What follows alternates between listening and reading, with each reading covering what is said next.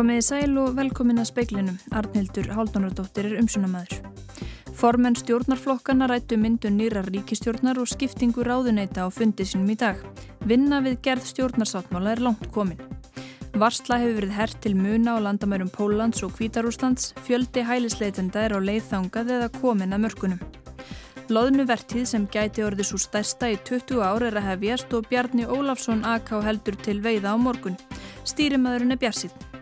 Fulltrúar þryggja íslenskra stjættarfélaga lögðust gegn því að íslenska flugstjættarfélagið fengi ingöngu í norræna flutningamannasambandið. Forsætsræður á Danmerkur hefur búið til bladamannafundar vegna mikillar aukningar kórnuverusmita í landinu.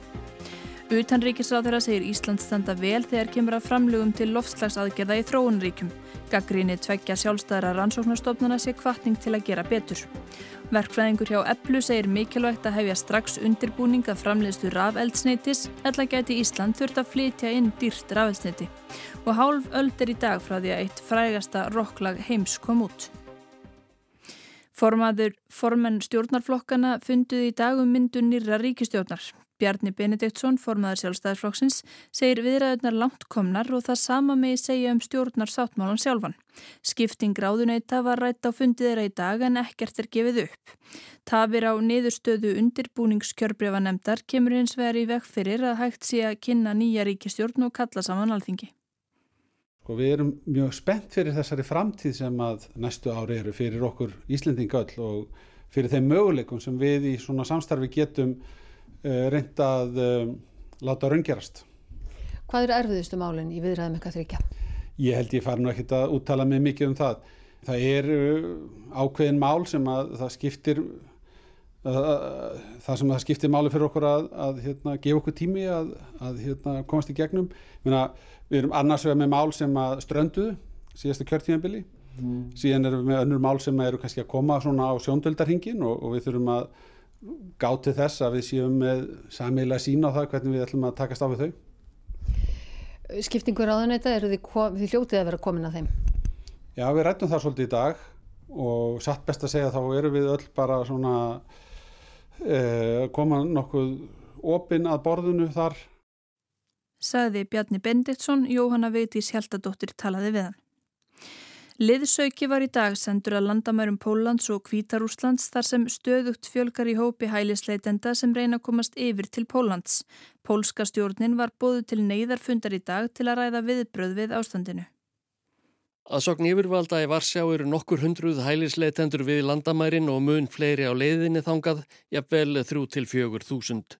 Því var greipið til þess ráðs í dag að senda fleiri lauruglumenn, hermenn og verði til að koma í vekk fyrir að fólkið kæmist yfir. Alltaf 12.000 sjá orðið um að vakta landamærin.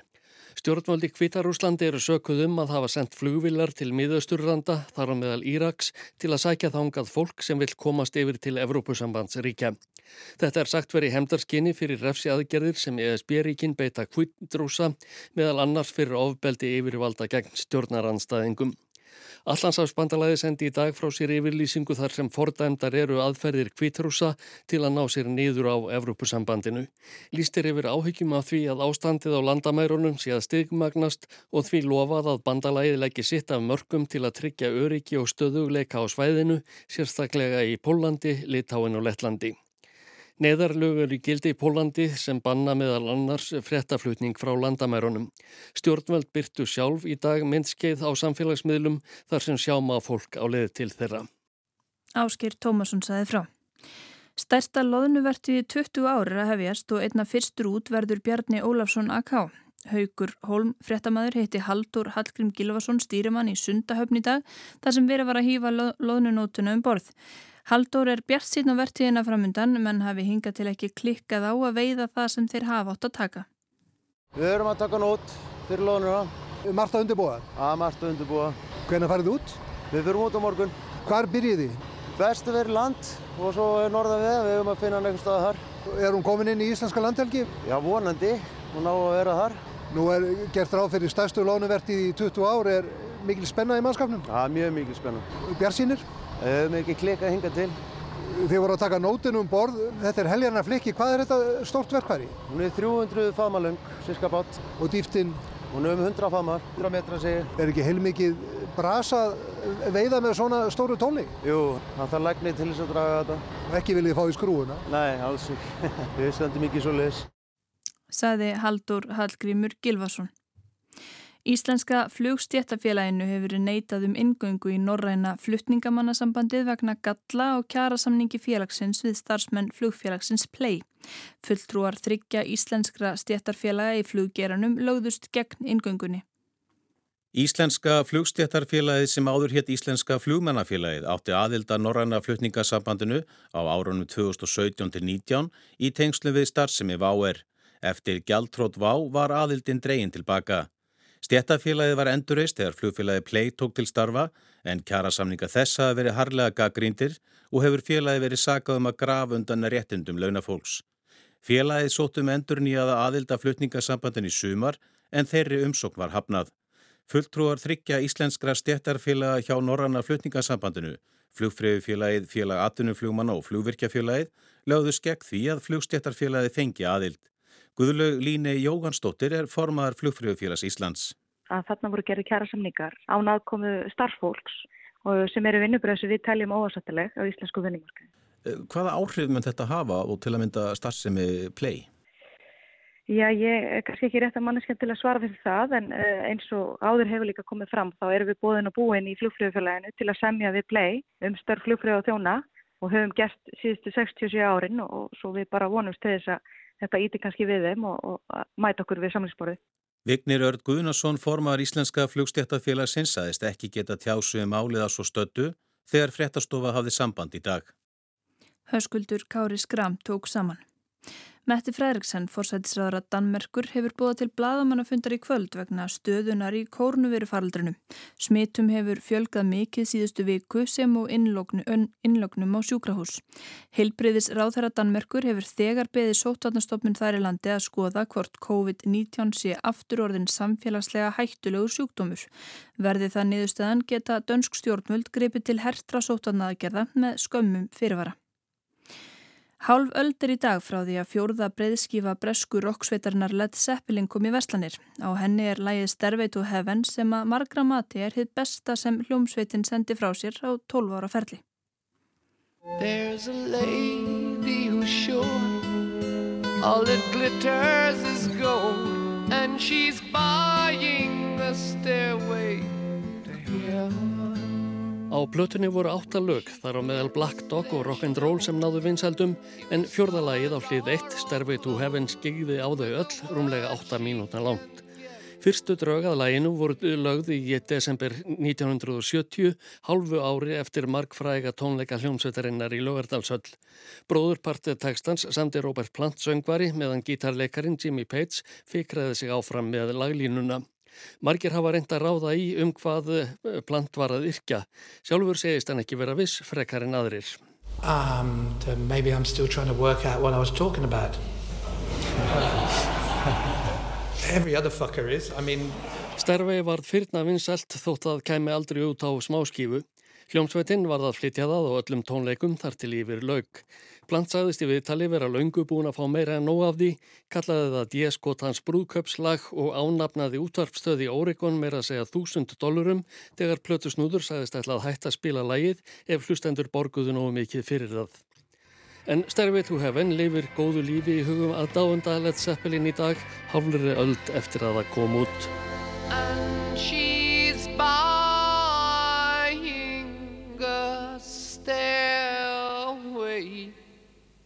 To heaven Ásker Tómasson sæði frá Utanríkisráður að segir Ísland standa vel þegar kemur að framlögum til loftslagsaðgerða og aðlögunar í þróunaríkjum. Þróunar samvinnu nefnd OECD telji Ísland standa sig betur en flest önnur ríki á þessu sviði. Ráð þeirra segir grænþvott þróunar aðstóðar ekki vandamál hér. Speillin fjallaði á förstu dagum framlög Íslands til græna loftslagssjóðsins og annara loftslagstengdra þróunarverkefna. Ísland hefur síðastliðin fjögur ár varið samtals 133 miljónum til sjóðsins og lagt er upp með að heildar framlög til loftslagstengdra þróunaverkefna verði 3,2 miljardar á næsta ári. Tvær sjálfstæðar rannsóknastofnanir, World Research Institute og Overseas Development Institute, telja að miða við þjóðartekjur og losun ætti Ísland að gera meira. Ríki eigi að verja að minnstakosti 0,22% vergra þjóðartekna til lofslagsstuðnings við þróunaríki og árið 2018 hafi Ísland staði 0,11%. Guðlegu Þór Þórðarsson, utaríkisaðara, rætti lofslagsstuðning Íslands við speilin. Er það þín stefna að hækka þetta frekar eða, eða er, er þetta nóg eins og það er? Það verður náttúrulega aldrei nóg, en við erum að auka í og munum halda því áfram. En ertu sammála þessum sangirnis viðmiðum sem þessar óháðu stopnarnir hafa sett að líta til þjóðartekna og horfa þarna á 0,22% af þeim? Ég líti á allt svona sem bara kvartningu til okkar til að gera betur og ekki þá bara okkur íslinga heldur allra annara. En uh, þegar kemur að þessu málum í heilsinu og ég held að skipti máli að tala um það að þá hefur við íslendingar, við höfum alltaf verið með þá áherslu að, að leggja, að styðja sjálfbærni og stærstum hluta það sem snýra að, að umhverjastengdu verkefnum. Það sem við höfum síðan farið og lagt aukna áherslu á og munum halda áframleggja aukna áherslu á eru sérstaklega sem er kannski sem er yrnamert sem loftlagsverkefni. En ef við skoða bara uh, þróunarsaminu Íslands í heilsinni að uh, þá eru þetta svona, getur við sagt að kjarnin í því er til dæmis uh, gró skólanir sem hafa verið starfrætti hér mjög lengi. Og hvað er það? Það er jarðhýttaskólinn, það er sjáurðskólinn, landgræsluskólinn og uh, jafnrættiskólinn og, og ekki það að það hefur verið ákveðað þeim tíma þegar það farið að það tengdi sloftlags tengdu verkefnum en það hefur í raunin alltaf gert það.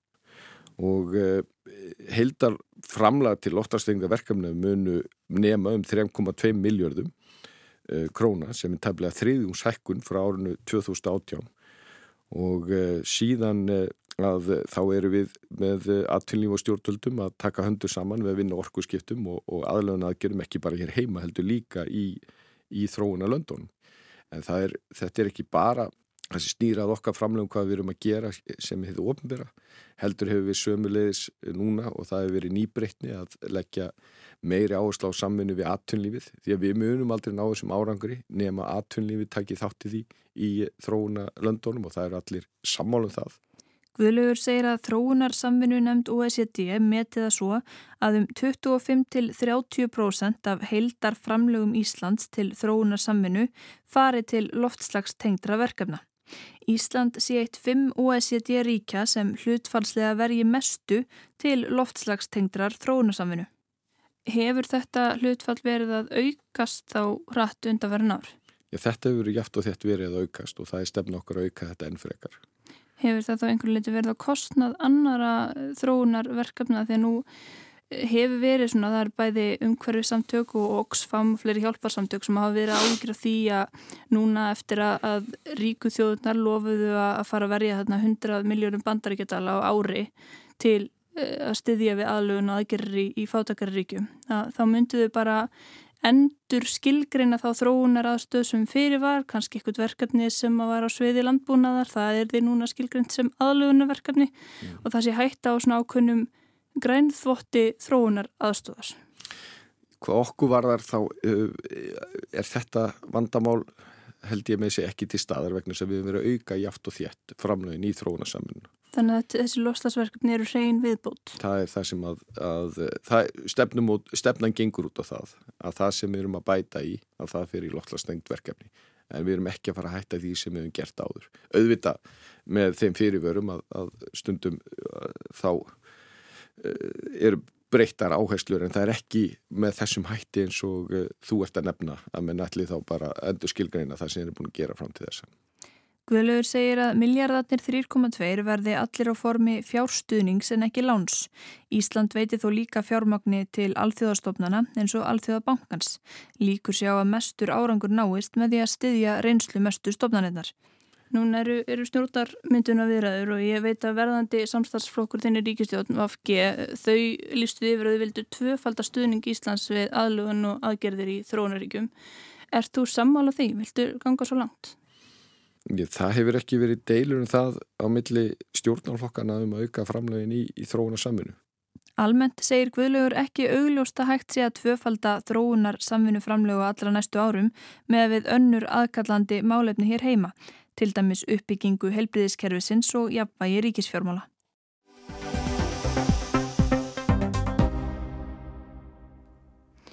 Hafstein Helgason, verkfræðingur hjá Eblu, segir mikilvægt að hefja strax undirbúningað framleiðslu rafeldsneitis.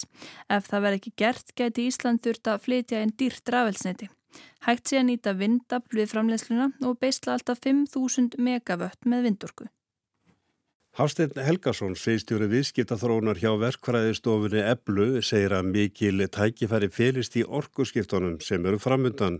Tæknin til að knýja stór faratæki með raf elsneiti sé komin og brálega vegna flugsins. Mikilvægt sé að framlega raf elsneiti hér á landi. Verðum sem sagt að hafa hér eh, elsniti á samkynnshafi verði til framtíðar og við eigum að geta framleita hér á Íslandi í því leikur tækifærið. Síðan er náttúrulega annar hlið, önnur hlið á þeim pening að, að e, það er hægt að framlega miklu meira af rafelsniti á Íslandi heldur en við þurfum e, því að e, hér er, er orka fyrir hendi og það er, er, er, að vissuleiti tækifæri fyrir þá sem hafa, hafa, geta haft af því atvinnu og, og eh, eitthvað afgjald. Hann segir að undirbúningur á framleiðslu rafeldsneitis þurfa að byrja strax annars sé hætt við því að Íslendingar þurfa að flytja en dýrt elsneiti. Já, ég myndi halda að, að það þurfi að gerast eitthvað hér á Íslandi gott á, í þessum efnum á næstu fimm árum. Undibúningurinn þarf eiginlega hefjast núna. Það tekur gríðilegan tíma að, að koma svona verkefnum á stað vegna þess að þau geta ekki verið smá og lítil og, og, dreif því að e, í þessum yðnaði er gríðaleg stærðarhagkvæmni og, og þess vegna þarf að, að byggja upp þessa starfsemi í áfengum og þeir sem koma sér fyrst fyrir og byrja, þeir eru í þeirri stöðu að geta framleitt meira síðar og þá útvegað markaðunum elsniti á hagstaðu verði. Ef þetta gerist ekki hjá okkur núna næstu árum, þá stöndum við fram með fyrir því, uh, jável eftir tíu ár, 8 til 10 ár, að við förum að flytja inn elsniti og það verður ekkert ódýrt. Raf Elsneitis framlegsla snýst fyrst og fremst um það að framlega vettni með rafgreiningum til þess þar tölvert af orgu. Hafstinni bendir á að orguverð hér á landi sé hagstætt, fjórum til fimm sinum ódýrar en orga frá kjarnorkuverum í Evrópum. Hins vegar séu blíkur á loftu og svo gæti farið að vindorga verði ódýrari en raforgan hér. En hvar á að fá orguna hér á landin? Hann bendir á að hver áfangi í raf eldisframleyslu megi ekki verið undir 250 til 300 megavöttum. Endaleg stærð út frá hafkvæmis sjónamiðum þurfa að vera um 1000 megavött. Hann bendir á að orkuframleyslan í heildi hér á landi með vassabli og jarvarma nemi nú rúmlega 2200 megavöttum. Vissulega megi auka þessa framleyslu. Hins vegar sé það í raun ekki mikið með hlýsjón til umhverjus vendar. Hann bindur vonur við vindablið. Og það vitt svo til að hér út í Ballarhafi blása vindar og þeir eru einna helst upp á hálendinu og við strendur landsins. Við byggjum náttúrulega ekki vindorkuveru upp á hálendi, við viljum eh, halda því eins og það er í dag, en það eru mjög góð svæði uh, víða við strendur landsins þar sem að uh, vindur blæs og, og, og nýtingarstöðlar uh, eru með því hæsta sem fyrirfinnst á jörðinni og 35, jável 40% herra heldur en finnst við sambarlegar aðstæður við strendur Evrópu ríkja.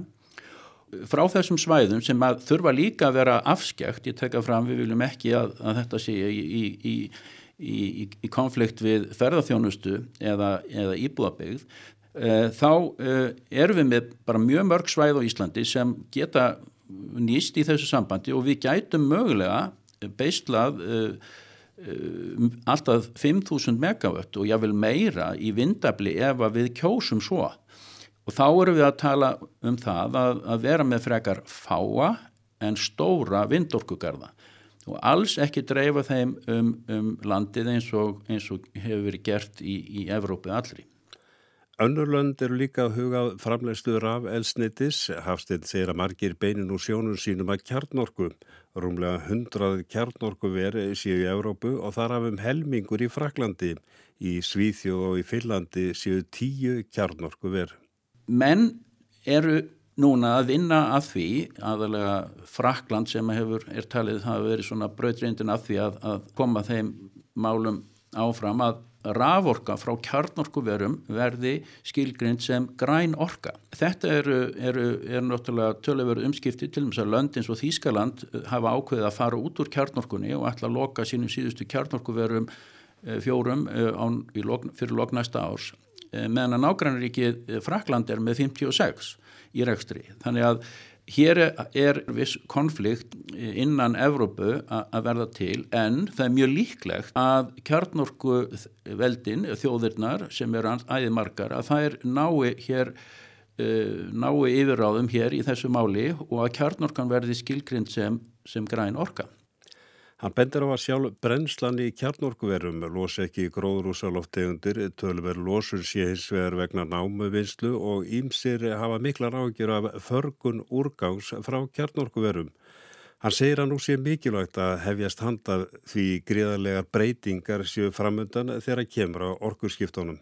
Já, ég myndi halda það og, og svo ríkistjótt sem núna er að verða til, hún þarf heldur betur að að svara þjóðinni og svara fjárfestum sem er æði margir hér á Íslandi og eru í startfólunum og búin að eigða hundruðu miljóna í undibúning á til dæmis vindorkuverum að, að þeir uh, fái skýr svörum það hvað, hvað verður hægt að gera hér á Íslandi hvort að Ísland ætli að loka á, á þessa uppbyggingu og þetta tækifæri eða hvort að, að hér eigi að fara í skinsamlega uppbyggingu. Það er eitt líka sem að mann skal ekki gleyma að, að vindorku ver þurfa líka þjónustu. Og, og þetta, stórir vindorkugarðar sem gætu orðið til hér á afskektum svæðum þeir þurfa uh, ansi mikinn mannskap til þess að sinna uh, viðhaldi og viðgerðum og, og, og eftirliti. Þannig að þetta hér er að verða til nýr, nýra atfinnufögur og svo skal ekki gleyma landeigundum því að e, í þessum geira þá er það þannig að, að landeigundur þeir fá prósundur hlutfall af innkomu hverjar og einnar vindorku rellu sem á þeirra landi stendur. Það er, er samningskultúr sem hefur e, verið orðið til í Evrópu og hann, hann er hér líka á Íslandi. Og svo er það sveitafjölögin sem fá náttúrulega í gegnum fastunningjöldin. Og það má svona gróflega segja að vindorkuver sem er af stærri gerðinni og stendur á góðu svæði geti verið að skila til landeganda uh, á árlega á bílinu 1,3 til 1,6 miljónar króna í, í innkomu per, per vindorku uh, rellu. Og sveitafélag geti verið að fá af sambar, af því mannvirki uh, tæpa miljón í, í, í göld þetta er Þetta er, þetta er málið sem að menn skulu horfa á. Það eru tækifærin líka varandi atvinnu uppbyggingu og, og tekju öflun og það mun svo skila sér aftur í uppbyggingu uh, hjá einstaklingum og, og sveitafélögum. Þetta var Hafstein Helgason, Arnar Páll Haugsson talaði við hann. Norðurlöndin eigað verða sjálfbærasta og samþættasta svæði í heimi, stórauka á samvinni í lofslagsmálum og ebla innra samstarf. Svona er framtíðar sín norrænu ráþæranemdarnar og lögð hefur verið fram aðgerða áallun sem á að tryggja að svo sín verði að veruleika. Í aðdraganda Norðurlandaráðstings í Kaupanahöfn sem haldi var nýlega bar nokkuð á gaggríni vegna þess að skera ætti niður í menningarstarfi á vegum þess því veit að þyrti meira fér til annara verka. Í Kaupanahöfn hittust svo menningarmála ráð þeirra Norðurlandana og ákvaða veita meira fér til menningarsamstarfsins. Heldar framlag til þeirra mála í fjármálaöllun fyrir næsta ár er um 3,3 miljardar króna, hækkunin sem samþygt var á fundi ráð þeirra 180 miljónir. Samþygt líka að verja um 70 36 miljónum í endurbætur og viðgerðir á Norræna húsunni í Reykjavík sem er eina byggingin sem Norræna ráþæranemdin á ein og sér viðhald þar orði brínt. Rannar Björn Arnason, formaður Norræna félagsins, er meðal þeirra sem gaggrindu fyrirhugaðan niður skurði í menta og menningamálum. Hann segir unnist að við varnar sigur. Stæningin er nefnilega svo að þessi nýja og flotta framtíðasínum sjálfbarni og, og samþæktingu sem að allir styðja e, gengur ekki upp peningalega nema þessi tekti peningar eitthvað starf annar staða frá eða þeim bætt við sem að þetta hefur verið krafa okkar sem að viljum allan orðan samstarfi e, alveg síðan þessi e, veruleiki varðmannum ljós. Þannig að það er samkominlag sem er unni, já, má segja sér kannski áfangasigur, það tókst að stoppa er unni nýðurskurðin en það var ekki með því að bæta við nýju fjö heldur með því að eh, nota fjármaks sem að hefðu annars farið í verkefni sem ekki hafa komist í gang vegna COVID og annars líkt. Þannig að það var alltaf hann að því var sínda skilningur að ekki mátti skera neyður í menningunni eins og tilstóð eh, en baráttan heldur áfram fyrir að fá meira fjö því það er bara ómögulegt verkefni að láta hvort vekja ganga upp. Ísland leggur til fjö í samræmi við stærð sína. Littlulöndin græða meira á samstarfinu en þau stóru en hranna segir að norrent samstarf hafi dreyjist aftur úr. Efnahagur ríkjana hafi bólnað út, framlaugin ætti að vera helmingi herri ef að þau hefðu haldið í við vöxtin hlutfarslega. Ríkistjórnar landana ætti því að sína það í verki með fjárframlögum að þær vilji ebla norræna samstarfið sem hafi skilaði miklu og skipti miklu á tillitögum. Almenningur taki norræna starfinu sem gefnu en að því hafi verið kreft ár frá ári undanfarna ára tugi. Þess vegna séu að koma fram brestir sem síndu sig til dæmis í viðbröðum við kórunverufaraldrinum og auknum ströymi flótamanna og hælisleitenda nokkru fyrr.